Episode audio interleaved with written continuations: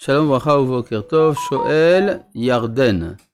שלום הרב, רש"י, כ' י' י"א, מביא שהסלע יתחבא, ולכן משה לא מדבר אליו, וגם כשהוא מכה בפעם הראשונה הוא רק מוציא טיפין, ורק בהכאה השנייה יזדמן הסלע הנכון. למה כל המצב הזה? האין זו התנכלות של הקדוש ברוך הוא למשה, חס ושלום? כל הדיבורים האלה של רש"י משמעם שבעצם חטא מי מריבה היה מתוכנן. זה בעצם לא איזה מין חטא בכירי, אפשר לומר, אלא זה בירור, זה גילוי מילתא, שמדוע משה לא מתאים להיכנס לארץ ישראל. הוא לא מתאים בגלל שהוא עדיין הולך בסגנון של הכאה, המתאים לחוץ לארץ, ולא בסגנון של דיבור המתאים לארץ ישראל. ולכן סודר שלא תהיה לו ברירה אלא להכות. שואל אריאל, מה שורש בקשתם של בני ישראל במי מריבה, שעל פיו החליטו אהרון ומשה שבני ישראל אינם ראויים לנס מהסוג העליון? תודה רבה לרב ולקהילה הקדושה. לא יודע מה שורש בקשתם, מה שהם עשו, הם צעקו, כלומר, הם השתמשו בסגנון קשה. לא, אה, לא מקום זרע ותאנה וגפן ורימון, למה הבאתם אותנו אל, הק... אל המקום הרע הזה? בעוד שבדיוק משה ואהרון נמצאים במצב של אבלות על אה, אחותם שהייתה ממנהיגות האומה וגם בעצמם מנהיגי האומה, ולכן הם ציפו להתנהגות אחרת. וזה מה שגרם להם לשפוט את עם ישראל באופן ביקורתי. אנחנו ממשיכים בפרק כ', פסוק י"ד, שכבר התחלנו בו, וישלח משה. מלאכים. מה? על? הרוסים? סיפור על מה? אה, טוב, זה נכון, אבל אני לא זוכר בדיוק על מה. טוב, בסדר. וישלח משה מלאכים מקדש אל מלך אדום, כה אמר אחיך ישראל, אתה ידעת את כל התהילה אשר מצאתנו. זאת אומרת שמשה שולח אה, שליחים לאדום, וראינו שיש איזה מין מוטיב שחוזר על עצמו, שאומות העולם הם צריכים להיות שותפים לתהליך הגאולה, כי גאולה היא חלק מעניינם. עכשיו אני נזכר בסיפור. יש uh, בפולניה, היה איזה יהודי, ש... כשזה היה תחת השלטון הרוסי, יהודי שאמר שהוא המשיח. טוב, מדי פעם זה קורה, יש יהודים שאומרים שהם המשיח, וזה גורם לפעמים לתסיסה, יש אנשים שמאמינים, אנשים שלא מאמינים, בקיצור, יש בלאגן. ואז uh, אחד משרי הממשלה הרוסית שאל את הרב יצחק מוולוז'ין, נדמה לי, רבי יצחק מוולוז'ין, בנו של רבי חיים וולוז'ין, שאל אותו, תגיד, מה אתה אומר על הסיפור הזה עם היהודי שאומר שהוא המשיח? אמר לו רבי יצחק מוולוז'ין, מה אתה אומר? ענה, מה זה משנה? זה עניין של היהודים, זה לא נוגע לי. אמר לו רבי יצחק מוולוז'ין, כשזה יהיה המשיח, זה יהיה נוגע גם לך. כלומר, אז אה, זאת אומרת ש... זה, זה בדיוק מה שדיברנו, כן? העניין, העניין המשיחי הוא לא רק גאולת ישראל, אלא הוא גאולת העולם כולו, כמו שהרמב"ם כותב, שהוא ישיב את כל העולם לדת האמת, ולכן זה הסיבה שצריך להתחשב בדעה של האומות, לפחות מצד הנימוס, אתה חוזר לזירה של המדינות, תבקש רשות יפה. לכן וישלח משה מלאכים, יקדש. אל מלך אדום, כה אמר אחיך ישראל, אתה ידעת את כל התלאה אשר מצאתנו. למה הוא צריך להזכיר אחיך ישראל? אז חז"ל אמרו, בגלל שהיינו שנינו אחים, ועל שנינו נגזר לכאורה גר יהיה זרעך. ורק אני קיימתי ולא אתה. אז יש לי קצת, יש לי זכויות מסוימות שאתה צריך להתחשב בהן, לתת לי להגיע לארץ ישראל. כי הרי הגרות היא הייתה תנאי לברית בין הבתרים.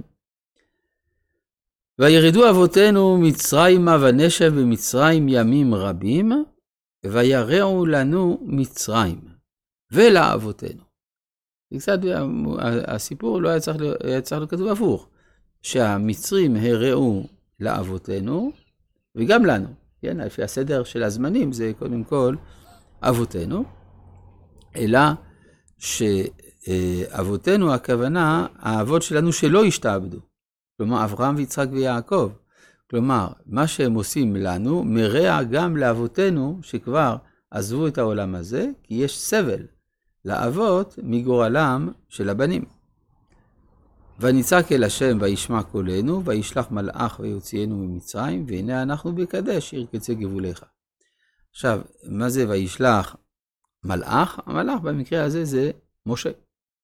כן, משה אומר, יש אה, מעמד מיוחד של שליח של ההשגחה לעשות את העבודה. עכשיו, אה, משה לא צריך להבליט את עצמו בפגישה עם אה, מלך אדום, ולכן הוא משתמש בלשון שמצניע את האישיות שלו.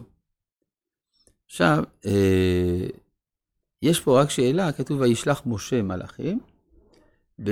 בספר שופטים, כשיפתח הגלעדי מספר את הסיפורים האלה בדיון עם מלך עמון, הוא אומר וישלח ישראל מלאכים. לא וישלח משה, אלא וישלח ישראל. אז אה, לכן אומר אה, רש"י, מכאן אתה למד שישראל הם משה, ומשה הוא ישראל. שנשיא הדור הוא כל הדור, שהנשיא הוא הכל. ככה הלשון של רש"י. נשיא הדור הוא כל הדור, שהנשיא הוא הכל. זה, זה עירוב של סגנון של המהר"ל עם סגנון של חב"ד ביחד, נכון? וזה כבר ברש"י. עכשיו, מה רש"י רוצה לומר בזה? הרי הקושייה היא שכשמשה שולח לסיחון, כתוב, וישלח ישראל מלאכים אל סיחון. וישלח ישראל מלאכים. ובספר דברים, כשמשה חוזר לספר על זה, אז הוא אומר, ואשלח מלאכים. אז זאת אומרת שמשה הוא ישראל, ישראל הם משה. בסדר, אז אם ככה, זה אינדיפרנטי. באותה מידה אפשר לכתוב משה ואפשר לכתוב ישראל. אז למה כששולחים למלך אדום, שמו של משה מופיע? כאשר שולחים למלך סיחון, לסיחון מלך האמורי, לא מופיע משה, אלא מופיע ישראל. חייבת להיות איזושהי סיבה לדבר הזה. הסיבה היא שבזמן שמשה שולח מלאכים אל מלך אדום, הוא עדיין במדבר. זה גלות, גלות ישראל. בזמן הגלות, מה שבולט זה המנהיגים. גדולי הרבנים, גדולי המנהיגים, הם הם מרוממים את רוח העם, כי ממילא העם נמצא בשפל, ויש דמויות יחידאיות שהן מייצגות את האומה. אז זה מה שכתוב וישלח משה. אבל כשניגשים אל מלך האמורי, זה כבר הכניסה לארץ ישראל. הרי ארץ האמורי היא חלק מארץ ישראל. ואז המדרגה של הפרט, של, ה, של הצדיק, שהוא במרכז הכל, המדרגה הזאת הולכת ודועכת. במקום זה, הכוח של ישראל הוא זה שמופיע, כפי שגם אנחנו נראה לגבי שירת הבאר. אז ישיר ישראל, לא כתוב משה ובני ישראל. אז גם פה, וישלח משה מלאכים. אה, כדי, למה בשופטים ובדברים זה הפוך? כדי שנדע את זה. זה מה שרש"י אומר. מה, מה שזה נועל זה פותח. המקראות האלה זקוקים זה לזה. כן, זה...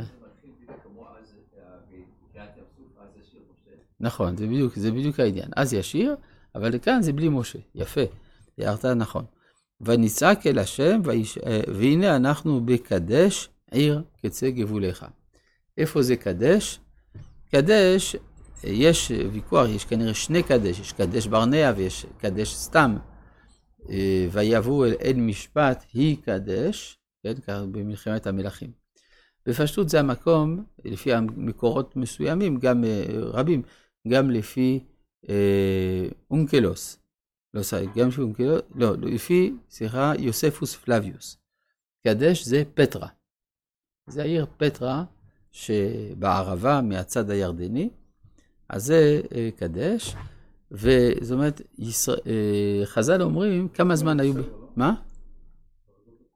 זה הגבול, זה הגבול. הגבול מצד דרום, וזה מה שנקרא הרקם, כן? הרקם במשנה במסכת גיטין, זה העיר קדש ששם. רבי חנניה